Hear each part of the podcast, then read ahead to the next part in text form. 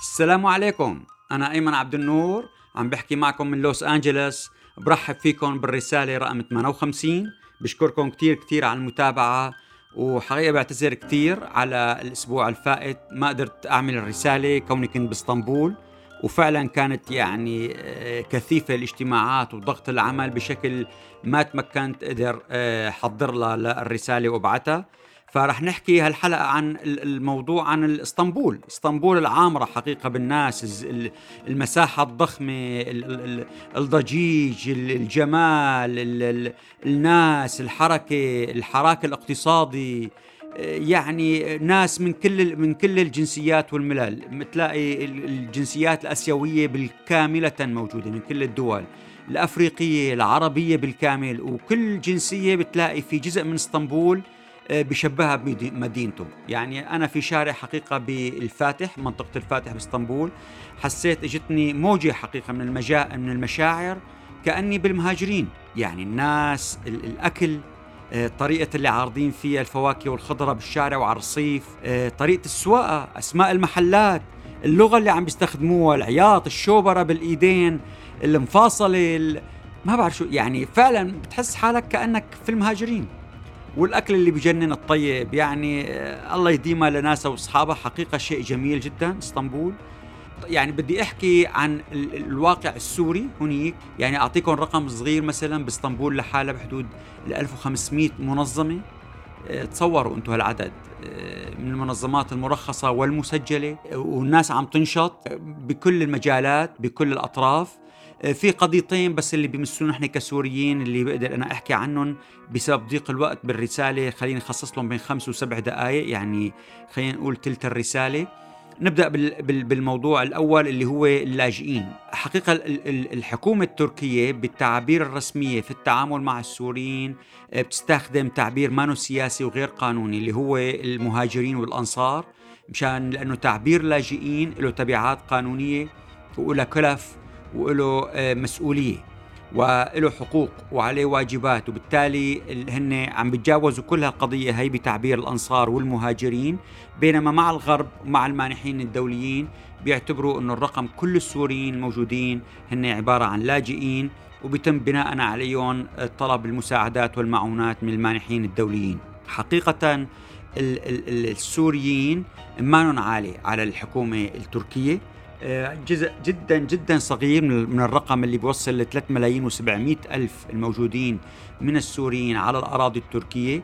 رقم صغير عم بيقولوا لي لا يتجاوز 80 ألف اللي هو ما زال موجود بمخيمات وبياخذ مساعدات غذائية وكاملة وصحية بينما الباقي بالكامل يعيش في منازل مستأجرة. يعني هو مستأجر بيت بيدفع أجرة بيدفع كهرباء بيدفع مي آه، بيشتغل بيعمل. بيصب نتاج عمله في الاقتصاد التركي بسبب انخفاض العائديت اجرته والعمل لأنه بيعمل بالسوق السوداء. في منهم أبدعوا في منهم تطوروا في منهم فتحوا محلات اشتروا. في مدن كاملة تم توسعها وصارت أكبر بكثير نتيجة الدخول السوريين. وحقيقة عدد من الوزراء ذكر أنه لا يوجد استخدام يعني على اللاجئين السوريين صرف من موازنة الحكومة التركية كلها تأتي بالكامل من المعونات والمساعدات من المانحين الدوليين سواء الدول أو منظمات الأمم المتحدة. فهذا المشكلة أنه في تصريحات رسمية عم بتكون عم تستخدمها المعارضة عم تستخدمها الجهات اللي رايدة تأثر على الحكومة.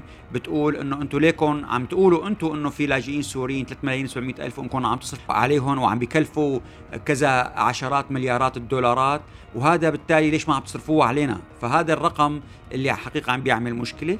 هذا لازم يكون في مجموعة من السوريين يعني أولا يعني حرفيين ممتهنين التعامل مع الإعلام يزوروا الأحزاب بكل أنواعها يعني سواء حزب العدالة والتنمية أو الأحزاب المعارضة البلديات الجامعات وسائل الإعلام التركي يظهروا عليها يبينوا تلك الأرقام والمعلومات ومساهمة السوريين في زيادة الاقتصاد التركي وأنه هن ما عالي وهن ما بيكلفوا الموازنة العامة للدولة. هن شخصيات قدموا 140 ألف أخذوا الجنسية التركية من رجال أعمال من أطباء من مهنيين محترفين جاءوا بكل علمهم وخبراتهم ومهاراتهم أضافوها إلى سوق العمل وسوق الإنتاج في تركيا. اتوا بقائمة مهاراتهم وعلاقاتهم العربية والدولية اللي كمان أيضا ساهمت في انتشار البضائع التركية والحصول على مدخلات للإنتاج بأسعار أفضل هذا كله كمان شيء مهم الوضع الآن حقيقة. الوضع متوتر في تركيا سياسيا بال... يعني حتى بالنسبة لحزب العدالة في مطالبات بإجراء انتخابات مبكرة عدم الانتظار لعام 2023 الآن حزب العدالة بده ينزل عتبة ال... ال... الانتخابات آه، بدل من 10% ل 7% لأنه خايف شريكه اللي هو آه، الحركة القومية ما يوصل ل 10% وبالتالي يطلع برات الكل البرلمان. لذلك رح ينزل له إياها لل 7% العتبة لحتى يسمح له يدخل ويساعده. بالتالي الكل مضطرب. السوريين لازم يفهموا هالشيء ما يزيدوا آه، هالاضطراب ما يلعبوا على أي حبل يكونوا مع تركيا كدولة ما يحاولوا يكونوا طرف في يعني صراع أو مناكفة سياسية ما يحاولوا يظهروا شو اوف يعني مظاهر ل يعني المال أو الربح أو لأنه في بعض الناس متمولين حقيقة في تركيا وأبدعوا وحصلوا وأصبحوا من رجال الأعمال الجيدين والمتميزين. ما في داعي إظهار كل ذلك يعني أمام الأتراك اللي قد يكون وضعهم الاقتصادي صعب، لذلك بدها عناية وتوجيه سواء من كبار قادة المنظمات أو الواعين أو اللي لهم احترام من السوريين. ومن السياسيين ومن الائتلاف يوجههم ويعمل تنظيم لهذه المجموعات لحتى تقوم بهذه الزيارات وتوضيح الرؤية وتخفف الاحتقان لأنه جدا مهم الأمر اللي هو مرشح للاضطراب كلما اقتربنا من موعد الانتخابات للأسف الشديد. اثنين الموضوع الثاني اللي فيني لحقه بهالرسالة اللي هو كيف عم تتعامل تركيا مع الملف السوري. حقيقة طبعا كان دائما كان خلينا نحكي قبل الألفين كانت دائما العامل الأساس هو ملف حزب العمال الكردستاني اللي كان يستضيفه آه، النظام السوري حينها. وبالتالي وصار في حشد لدخول حرب آه، على سوريا. وتم آه، التوصل إلى اتفاق اضنا اللي وقعه عدنان بدر حسن رئيس شعبه الأمن السياسي في سوريا. وبالتالي كانت المقاربة دائما أمنية. يعني سواء من الجانب التركي أو من الجانب السوري من شعبة الأمن السياسي مقاربة أمنية بامتياز لهذه القضية. بعد ما أتى الرئيس أردوغان ارتفع حصة الجانب السياسي فيها تم توقيع اتفاقيات سياسية واقتصادية وقام بزيارات متبادلة وبالتالي ارتفعت قوة السياسيين وتم حتى إلغاء الفيزا. لكن آه، بعد الثورة السورية وبعد ما صار في دخول بمئات الآلاف وملايين وبضمن فترات قصيرة كان لابد من العودة أيضا إلى المقاربه الامنيه لأنه حتى تعرف مين هدول اللي جايين هل هم من حزب العمال الكردستاني هل هم باعتوا النظام السوري لتفجير هل هم لقلاقل للتجسس كل هذه القضايا آه، ناس جايين من غير دول أصلا في ناس جايين من عديد من الدول موجة اللاجئين كانت تشمل أيضا حتى من أفغانستان ومن باكستان ومن إيران ومن كثير من الدول آه، بآسيا. لذلك كانت مقاربه امنيه أمنية سواء بأنه يكون في عندهم مخبرين سواء إنه يتعاملوا مع كل الناس آه، بدال مقاربة سياسية مقاربة أمنية. آه هذا الشيء حقيقة في له آه يعني آه طرق مختلفة عن التعامل الدبلوماسي بين النظراء من وزارتي خارجية. يعني أولا بده يتم استخدام الناس اللي هن أقل تعلما وأكثرهم قبولا ليمسحوا جوخ ويتزلفوا وينبطحوا. ويعني هذول مختلفين عن آه، الأكثرية الشعب السوري. لذلك وبيعطوا صورة غير حسنة لصانع القرار في تركيا عن عن الشعب السوري. لذلك حقيقة المقاربة الأمنية جعلت أنه هدول الناس تتقدم الصفوف. اللي بيكتب تقارير أكثر اللي بيحكي عن رفقاته اللي بيفسفس أكثر اللي بيمسح جوخ أكثر بينبطح أكثر هدول ترقوا واستلموا المنظمات استلموا الأحزاب استلموا كل قيادات المعارضة السياسية للأسف الشديد. هلا المشكلة في المقاربة الأمنية خلينا نكون واضحين آه، هي أقل شفافية آه، بالمساءلة مما لو يكون مقاربة مدنية عليها عدد من الطبقات فوقها بتراقب أعمالها وكلها على المكشوف. المقاربة الأمنية في جزء كبير منها مخفي. وبالتالي بيتم الإفساد. وهذا اللي صار أصلا مع التجربة السوريين وقت اللي دخلوا لبنان بال 76 أفسدوا الجيش السوري والمخابرات السورية اللبنانيين. هذا أمر معروف يعني في كتب كاملة عن هذا الأمر. نفس الشيء الآن يحصل. الجيش الروسي في حميميم يعني صاروا مبدلين طاقم إدارة آه، القاعدة والجيش السور الروسي المتواجد في سوريا أكثر من ثلاث أربع مرات آخر خمس سنوات لأنه كله أفسد. وبالتالي هذا أمر معروف يعني حتى تجاوز ذلك تجاوز إلى قيادة الجيش. الروسي. يعني الإيرانيين دائما كانوا هي معروفة عم يذكروها كان إنه كان في مجموعة كبيرة من قوات تابعة لإيران. من بينهم قاسم سليماني كانت محاصرة بحلب وكان يعني ممكن إما ينقتلوا أو يوقعوا في الأسر. آه، فطلبوا من روسيا إنه تفك الحصار وساعدتهم روسيا وإنه دفعوا هدية 300 مليون دولار وصلت إلى رئيس الجيش اللي هو القائد العام الرئيس بوتين شخصيا. يعني هذا هي يعني أمر بيتداولوه الإيرانيين في سوريا. نفس الشيء. بشار الأسد حقيقة ذكر في جلسة كان موجود فيها عدد كبير من الأشخاص إنه هو وصل مجموعة من الهدايا وصلت إلى حدود 700 مليون دولار من أجل يعني الوصول إلى هذا المستوى من التنسيق العالي مع الروس ويعني عم بيذكر هو إنه هذا قدمه إلى الرئيس بوتين. وذكر في اللقاء الخاص قال إنه قال له الرئيس بوتين طالما أنا رئيس لروسيا فأنت رئيس لسوريا. فنبهوا أحد الحاضرين لبشار الأسد قال له إنه بس ما ينتبه إنه ما يكون في خداع وما لازم الاطمئنان لهذا القول. فاجابه بشار بالحرف راها بالحرف كما وردت في محضر. اشترينا دخولهم مشترى وباللحظة يلي بدنا فيها نشتري خروجهم الروس دولة عالم تاني كلها فساد وكل من فيها بالجيش أو بغيره بنشرب المصاري. كائنا من كان لا داعي للقلق هدول دولة عالم تاني ما دولة عظمى. هذا يعني كلام واضح. أي تعامل أمني عسكري دائما بيقع فيه فساد لأنه ما عليه رقابة كبيرة ولا في عليه أجهزة ترى بالعلن ماذا يخطط له وكيف هذا طرق التعامل والاختيار. حتى نفس الأمر وقت اللي سألوا هذا الشخص لبشار الأسد أنه على الوضع المعيشي بسوريا قال له ما في فقر بسوريا بشار الأسد وما حدا بسوريا بيموت من الجوع حتى لو أكل خبز لحاله. كلهم حرامية وفاسدين. هو عم بيحكي هون عن الشعب السوري. عم بيسرقوا مؤسسات الدولة فما تخافوا على حدا يموت من الجوع. كلهم عم يدبروا حالهم. يعني للأسف كلام ما بعرف شو بده يحكي الواحد. هلا ما بدنا نبعدنا شوي خلينا نرجع للي كنا فيه بتركيا اللي كنا عم نحكي كيف عنه. هذا الشيء أدى إلى أفساد وبالتالي جزء كبير من الناس اللي عم بتتابع الملف في سوريا تم إفسادها أسوة بأي دولة أخرى تعمل مقاربة أمنية لملف دولة على حدودها. وهذا الشيء بسبب انحدار مستوى التعليمي والخبراتي والانبطاح للناس اللي عم بتقوم بهذه يعني المقاربة الأمنية من قبل الجانب السوري. بدل من أنه يبتكروا حلول تحقق مصلحة البلدين تركيا والشعب السوري والثورة السورية وبالتالي يعني بتأدي أنه تكون أفضل حتى للحكومة التركية لكن التسابق على أخبار المعلومات وعلى القضايا الصغيرة أدى إلى إجبار الجانب التركي إنه يتدخل حتى بالأمور الصغيرة، يعني كان سابقا مثلا يتدخل بتعيين رئيس منظمة أو رئيس حزب أو رئيس آه، آه، قيادة معارضة سياسية قيادة سياسية للمعارضة، الآن أصبحوا يتدخلوا بكل الهيئة بأسماء كل أعضاء الهيئة بأسماء كل الموظفين لأنه شافوهم. كلهم قاعدين عبارة عن بيلقوا الهم بيقولوا كلهم مشان يخفوا ضعفهم بيقولوا هيك بيريد الضامن أو الراعي أو الأخوة الأتراك. وبيلقوا الهم عليهم وبالتالي اجبروهم إنهم يتدخلوا بشكل كبير لأنه شافوا إنه ما راح يشتغلوا ما لهم رايدين يشتغلوا الجانب السوري. فللأسف في الآن دور كبير حقيقة ملقى على الشباب السوريين. كان في أمل إنه يكون الجاليات السورية في دول كثيرة اللي عم بتزور تركيا وتلتقي مع قيادة الائتلاف ومع الخارجية التركية ومع السيد إبراهيم جالن حقيقة يعني تعطي وجه نير للجاليات السورية في المغتربات وأنه هدول اللي بيمثلوا حقيقة الشعب السوري لكن اللي سمعناه من كبار الشخصيات إنه يعني من الطرفين السوري والتركي إنه بيجوا بيحكوا آه، أربع خمس دقائق بقضايا عامة سياسية بعدين بينتقلوا لطرح قضايا بزنس تجارية وبدهم يعملوا مصنع وبدهم واسطة أو بدهم رسائل توصية أو بدهم ينحكى مع الوالي وبدهم يعملوا مشاريع صناعية أو مشاريع داخل.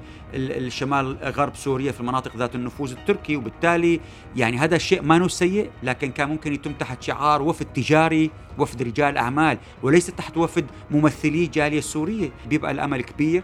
في ناس كتير كتير متميزين وعم بيزوروا حقيقة ويعملوا ويناضلوا من أجل تحقيق مطالب الشعب السوري وإيصالها إلى أكبر المنابر الدولية. ننتقل لموضوع آخر اللي هو حقيقة صار آه، يعني موضوع الساعة الآن آه، واللي عم تتناقله الإعلام مشروع نقل الغاز والكهرباء من مصر والأردن إلى لبنان عبر سوريا. هلأ بدأت الأمر بزيارة الملك عبد الله للرئيس بايدن في واشنطن وأخذ منه ضوء إنه ممكن يتم استثناء لبنان آه، والأردن من العقوبات من قانون قيصر بخصوص المعاملات المالية أو التجارية مع آه، النظام السوري لأنه الوضع الاقتصادي في الأردن صعب وبالتالي وفي كان بوادر مشكلة هناك فما بده إياها تتطور حتى ما يصير في أيضا فوضى في الأردن على حدود إسرائيل. فتم تقويتها اقتصاديا بامدادها بالنفط كي يكون يوازن النفط والمساعدات اللي كانت تجيها من دول الخليج العربي وما تكون هي عبارة عن تحت يعني يعني تحت الضرب وتحت فقط آه، نفوذ الخليجي. أيضا تم مساعدتها من قبل مصر وبالتالي يرغب أيضا أن يتم مساعدتها بمصاري العبور للغاز والكهرباء وإمداد شعبها بالمواد الغذائية من سوريا خضار فواكه وكل هذه القضايا والمياه بأسعار آه، منخفضة يعني حتى تخفيف العبء الاقتصادي عن الأردن. رجع بعد ما سمع من الرئيس بايدن أنه روح شوف واتفق مع روسيا. رجع على الأردن وطلب موعد من الرئيس بوتين وفعلا آه، سافر إلى موسكو. وتم هناك اتفاق بهذه القضية. آه، تم الآن يعني قدوم وفد لبناني. آه، يوم إعلان هذه بث هذه الحلقة الرسالة بده يكون في اجتماع بالأردن بين مجموعة الوزراء المعنيين من سوريا ومصر ولبنان والأردن لمناقشة هذه قضية هذه القضية. حقيقة خط الغاز العربي يعني أتى أتى وتنشط بعد كمان هذه هذا النشاط الكبير بين مصر والأردن والعراق ومن أجل يعني تكامل عملية تكامل اقتصادي ويسموها الشام الجديد. وأيضا بهذا الشيء لمسناه حقيقة بقمة الجوار تبع العراق. يعني الرئيس العراقي برهم صالح دافع عن النظام السوري رغم إنه هو نفسه كان يستقبل قيادة المعارضة السورية في بيته في آه، كردستان العراق ويحكي يعني شيء آه، أكثر منهم على فساد وإجرام النظام السوري ورأس النظام. وفجأة صار بدأ الآن في قمة الجوار يدافع وحكى أنه اتصل مع الرئيس السوري آه، آه، بتليفون مطول جدا يعني فتواصل معه بهاتف مطول قد يصل إلى ساعة. وحكى أنه هن يدعموا عودة سوريا للجامعة العربية وعاملين لابي وأنه الآن فقط السعودية هي اللي الدولة الوحيدة التي تعترض على ذلك، أيضا آه، بدهم ينقذوه من حاولوا ينقذوه من مشكلته الاقتصادية لأنه كما انهارت خزانات محطة بانياس الحرارية فجأة وتسربت منها 20 ألف طن فيول بالبحر ووصلت لجبلة وسارت باتجاه شمال قبرص وعملت تلوث بيئي. يمكن أن نستفيق لنجد أن النظام انهار اقتصاديا.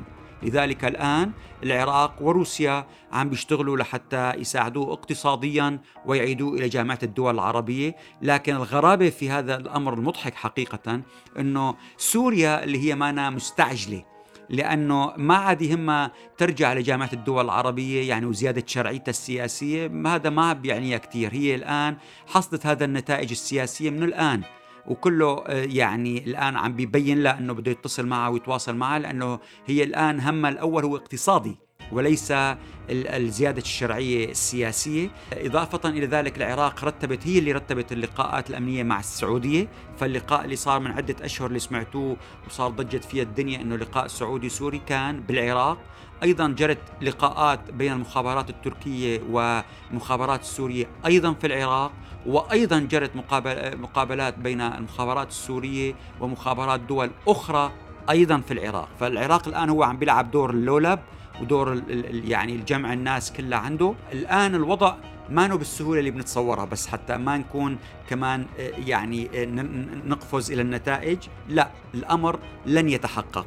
وليس قريبا على الأقل. اولا النظام السوري آه، بده يحقق مطالب خاصة له يعني كنا ذكرنا قبل رسالتين إنه هو بده يطلب اولا حصة من الكهرباء ومن الغاز وفعلا لسه ما وصل الوفد اللبناني ليزور دمشق آه، قامت غرفة الصناعة تبع غرفة صناعة دمشق.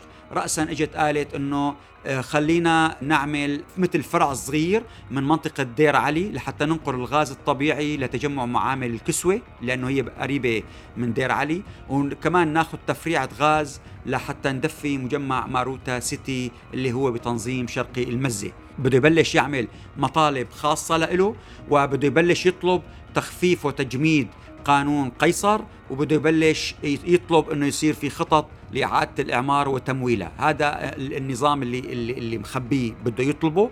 وبلش الآن إنه كيف بده يعمل علاقات تجارية وعلاقات يشرعن وضعه الاقتصادي، راسا أعلن قال في 87 كيلومتر مدمرة من خط الكهرباء اللي بيربط الأردن مع لبنان عبر سوريا، وبالتالي طلب 3.75 مليون دولار لإعادة تأهيل الخط، وإنه بده من اثنين لاربع أشهر من العمل، وبالتالي دفش القضية أربع أشهر وبده يعملوا عقود وبالتالي بدهم يحولوا مصاري. اذا هذا معناتها بدهم يحولوا عبر المصارف وبدهم أيضا معناتها المصارف كلها كانت مقاطعة. بدهم يعيدوا فتح العمل بدهم يعيدوا العمل مع في البنية التحتية. أيضا كمان هذا خلافا لقانون قيصر.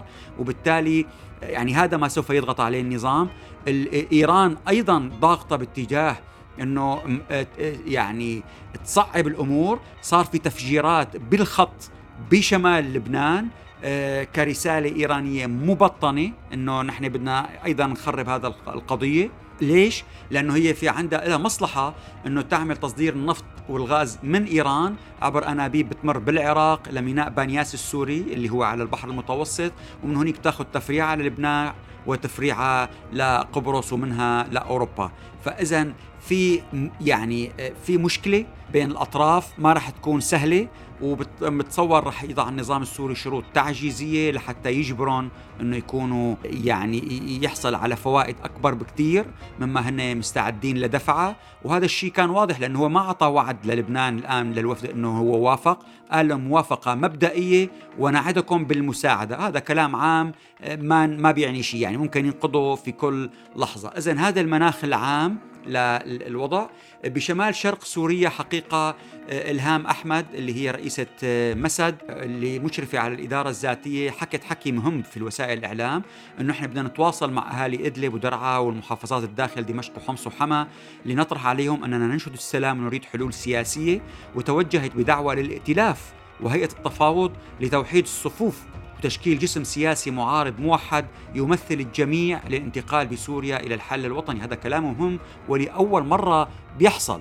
ف يعني هذا الشيء كمان اجى مترافق مع زيارة للقائم بأعمال آه، مساعد وزير الخارجية السيد جوي هود للآمشلي من كم يوم. قال إنه نحن ما رح ننسحب الآن من شمال شرق سوريا مثل ما فعلنا بأفغانستان، طبعا الأمر واضح لأنه بأفغانستان انسحابهم وضع جعل المنطقة قلقة وبالتالي كركب اعدائهم اللي هن الصين وإيران وروسيا. بينما إذا انسحبوا الآن من, جم من كما هو المتفق عليه ومقر في البيت الأبيض لكن توقيت الانسحاب مؤجل الآن. اللي انسحبوا حاليا بيؤدي إلى يعني إنه يكونوا هن عم بيساعدوا أعدائهم اللي هن روسيا وإيران. في منطقة شمال شرق سوريا في قامشلي في الحسكة في الرقة في دير الزور. وأيضا حتى تركيا ممكن تدخل وتوسع مناطقها بحجة يعني التصدي للحزب العمال الكردستاني ال PKK هذا كله طبعا أيضا جوي هود آه، يعني هذا ما اجى من الفراغ. الزيارة أجت بعد آه، عامل كمان الإسرائيلي رئيس الوزراء نفتالي بينيت آه، كمان عمل عمل ضاغط بواشنطن بخصوص إنه يبقى الجيش الأمريكي بحجة مكافحة ومحاربة داعش. لكن أيضا طلب إنه يفرملوا هالتسارع بتصريحات المفوض لإيران للمفاوضات في إيران؟ لذلك تم اقتراح أنه يكون شخص يهدئهم اللي هو السيد آه، دانيال شابيرو.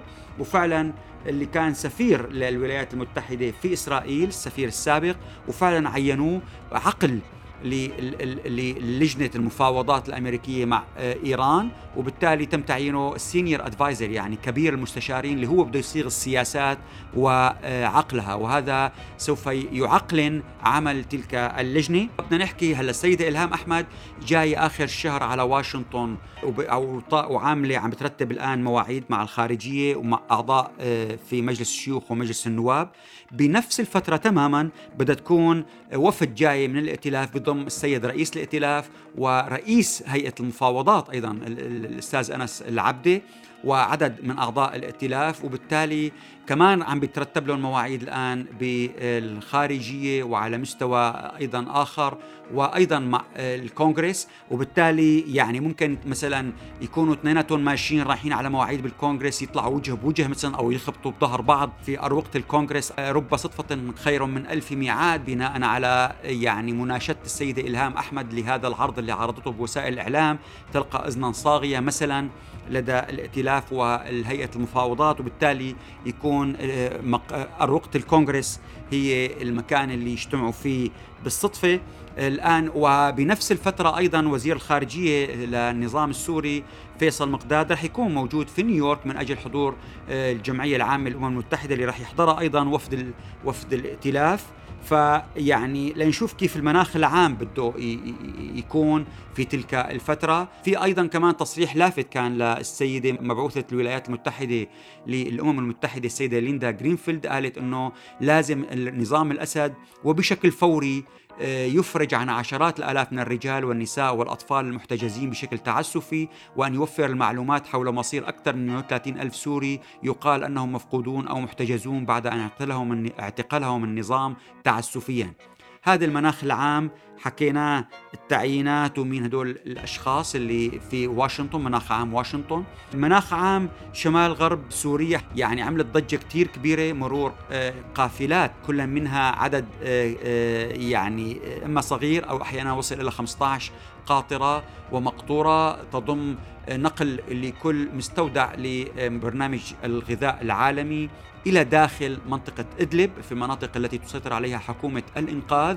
والحقيقة الأمر تم بعد ما أرسلت موسكو رسالة واضحة من من ضرب وقصف لمناطق متعددة في جبل الزاوية وفي مناطق كثيرة هي والنظام ومناطق فيها تمركز قوات تركية من أجل أن تسمح بعد أن تريثت أنقرة لمرور الشاحنات. وبالتالي بعد تلك الضربات الكثيفة آه، كان لابد أن تقبل أنقرة وفعل بالفعل دخلت فحققت موسكو هدف سياسي كبير إنه هي هلا الآن أعلنت مباشرة إنه آه، ما شفتوا أنتم الآن. إذا فكرة صحيحة هي إنه تقديم كل المساعدات إلى دمشق إلى النظام السوري ومن هناك يتم تمريرها عبر المعابر الداخلية إلى مناطق النفوذ الثلاث بدلا من الاعتماد على تقديمها عبر الحدود من تركيا. وبالتالي هون هي المشكلة الآن اللي بدها تصير. الآن في حكي إنه يتم توحيد.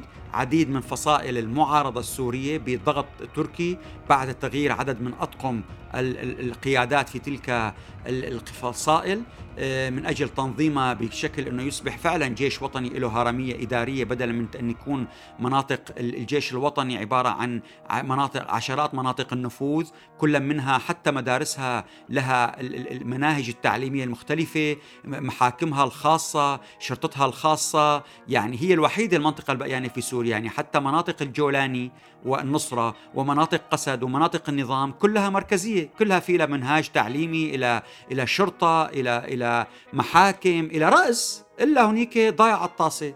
فعم تقدم نموذج سيء حقيقة لأي دولة ترغب أن تتعامل مع المعارضة السورية. الناجحون حقيقة هو بسهولة ممكن توجيهه إلى مشروع الذاكرة السورية اللي هو يعتبر أضخم مشروع علمي لتأريخ وتوثيق الثورة السورية وتم إنهاؤه بإشراف المركز العربي للأبحاث ودراسات السياسات ومديره هو الدكتور عبد الرحمن الحاج اللي حقيقة بذل جهد جدا كبير بتقديم مرجع علمي موثوق عن الأحداث والوثائق بأنواعها المختلفة وكل يعني مو بس فقط اللي ما هو موثق وموجود قاموا بتسجيل حتى شهادات من ناس ساهموا في صناعة الأحداث عملوا معهم لقاءات وسجلوها وأرشفوها واعتمدوا على كل المصادر المفتوحة والغير مفتوحة. فبنقول لهم أيضا شكرا جزيلا لكم ولكم أيها السادة المستمعون. شكرا.